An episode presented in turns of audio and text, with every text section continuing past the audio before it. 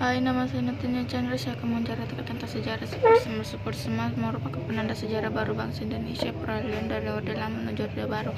Super Semar adalah salah satu penanda dalam penyerahan mandat kekuasaan Presiden Soekarno kepada Presiden Soeharto yang ditandatangani pada tanggal 11 Maret 1966. Penyerahan ini terbelakang oleh pemberontakan peristiwa ketiga OS 1 PKI pada tanggal 1 Oktober 1965 dini hari.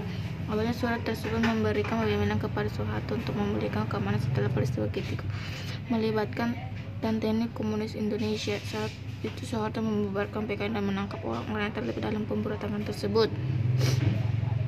Bagaimana surat itu dikeluarkan oleh pemerintah tersebut? Isi dari Super Semar antaranya adalah surat perintah 11 Maret alias Super Semar memiliki isi dalam mengambil tindakan dalam mengembalikan situasi Indonesia berikut tiga Semar dalam satu versi dari tiga versi yang ada mengambil segala tindakan untuk memulihkan keamanan mengadakan koordinasi pelaksanaan melaporkan sesuatu yang bersangkut paut. Itulah sejarah super semar yang perlu diketahui mulai dari tujuan sampai isi super smart